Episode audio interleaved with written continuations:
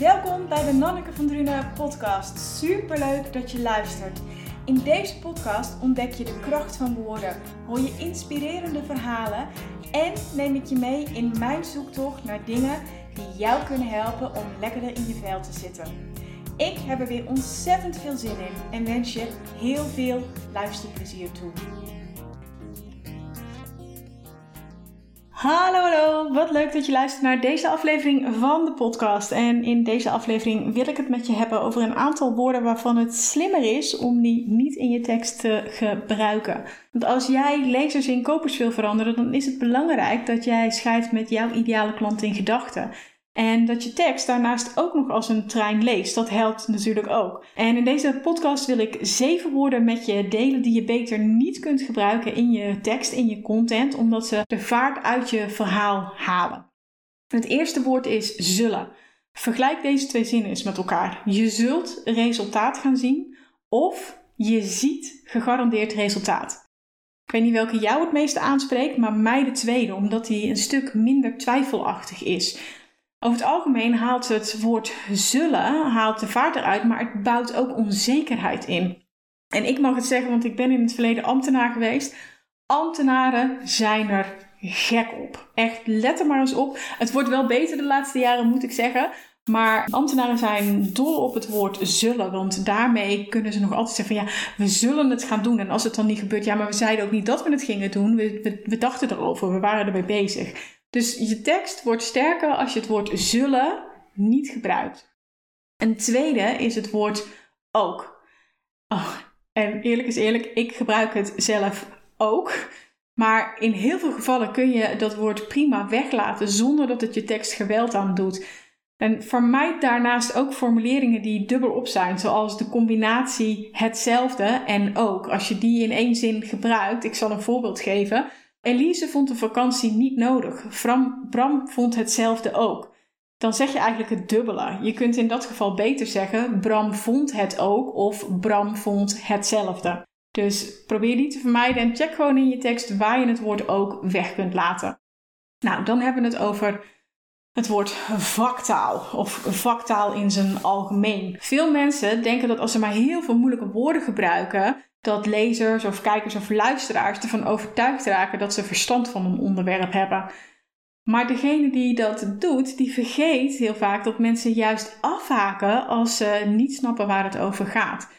Dus het is belangrijk om de taal van jouw klant te gebruiken en daarop af te stemmen. En gebruik ook alsjeblieft, alsjeblieft, alsjeblieft nooit het woord vakjargon, want dat is dubbel op. Jargon is een ander woord voor vaktaal. Schrijf dus of gebruik dus of jargon of vaktaal. En het liefst dus niet. Tenzij jouw doelgroep dus echt specifiek bijvoorbeeld vakgenoot is, dan kan je het wel doen. Want dan weet iedereen wat jij met een bepaalde term uh, bedoelt. Maar als dat dan niet zo is, gebruik dan andere woorden of leg uit wat je met een term bedoelt. Een vierde woord is toen.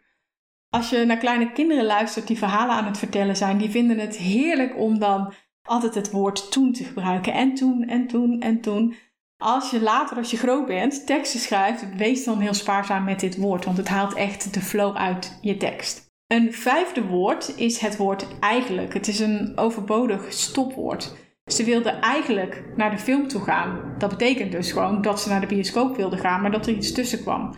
Dat je leg uit wat dat is. Bijvoorbeeld, ze wilden naar de film toe gaan, maar er draaide geen film die ze leuk vonden. Dus Check je teksten en check waar je het woord eigenlijk hebt staan en wat je dus eigenlijk wil zeggen.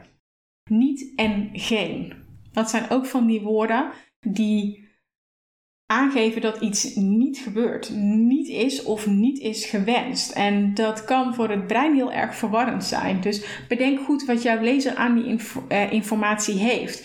Interessanter is het namelijk wat er wel gebeurt, wat er wel is of wel is geweest.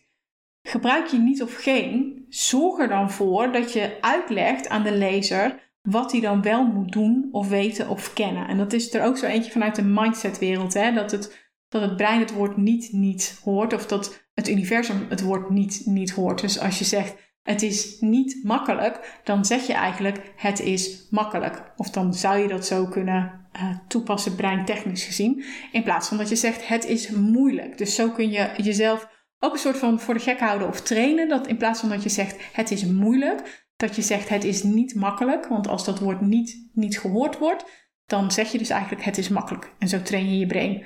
Brain, brein. Ik hoop dat je daar nog enig wijs uit kunt. Zo niet, laat het me even weten, dan licht ik het nog een keertje toe. En als laatste de woorden maar, toch en hoewel. Maar en toch zijn spiegelingen van elkaar, net als hoewel en toch. Dus als je de een gebruikt, kun je de ander weglaten. Ik geef je een voorbeeldje. De tas was erg duur, maar toch kocht Elle hem. Of, hoewel de tas erg duur was, kocht Elle hem toch. Je kunt dan beter schrijven: de tas was erg duur en toch kocht Elle hem. Of, hoewel de tas erg duur was, kocht Elle hem. Ik hoop dat je een beetje wijs kunt uit uh, wat ik met je heb gedeeld. Hij staat ook als blog op mijn site. Dus je zegt, nou dan ik wil het nog eventjes rustig nalezen. Dan kan dat uiteraard. Maar deze woorden, die kun je dus het beste eh, vermijden. Zullen, ook, vaktaal in zijn algemeen. Het woord toen, het woord eigenlijk, de woorden niet of geen. En maar, toch en hoewel. Tenminste, niet in combinatie. Als je deze woorden vermijdt, dan worden je teksten echt ineens een stuk fijner om te lezen en mensen lezen ze ook sneller. En ik beloof je, je lezer die zal je gegarandeerd dankbaar zijn. Nou, ik hoop dat je hier iets aan hebt gehad. Nogmaals, als je denkt, wat? Check dan even de blog, zodat je het rustig allemaal na kan lezen. Of uh, contact me even als je zegt, nou Lanneke, dan moet je nog even uitleggen. Of luister de aflevering nog een keer, misschien dat het dan uh, duidelijk wordt. En als je zegt, goh, ik uh, vond het super interessant, ik kan wel wat hulp gebruiken bij copywriting, content marketing, storyteller, of hoe je dat doet als projector met name, dan kan ik je daarbij helpen. En uh, kijk gerust op mijn site hoe, of gooi even een balletje op als je zegt, goh Anneke, ik zou dit willen leren, kan ik daarvoor bij jou terecht? Ik zal het ook eerlijk zeggen als ik zeg, nee, dat is niet mijn expertise, daarvoor moet je bij een ander zijn. Want daar schieten we natuurlijk allebei niks mee op als ik jou dingen probeer te leren waar ik zelf geen verstand van heb.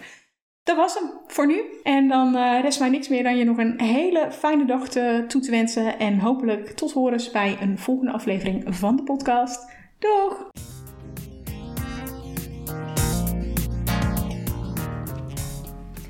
Dankjewel dat je luisterde naar deze aflevering van de Nanneke van Drunen podcast. Ik hoop dat je de aflevering interessant vond. Is dat nou het geval, dan zou ik het heel tof vinden als je een screenshot wilt maken van de podcast en mij wilt taggen op Instagram. En dat is Nanneke van Drunen. Op die manier inspireer jij weer andere mensen en ontdek ik wie er allemaal naar de podcast luisteren. En dat vind ik heel erg tof. En ik heb nog één vraag voor je. Ik maak echt met heel veel liefde en plezier gratis content voor jou. En ik zou het heel fijn vinden als je één dingetje voor me zou willen doen. En dat is een review voor me achterlaten op iTunes. En dat kun je doen door onder de podcast helemaal naar beneden te scrollen en me daar dan te laten weten wat jij uit de podcast haalt. En daar help je me echt enorm mee. Want hoe meer reviews er zijn, hoe meer mensen hem kunnen vinden.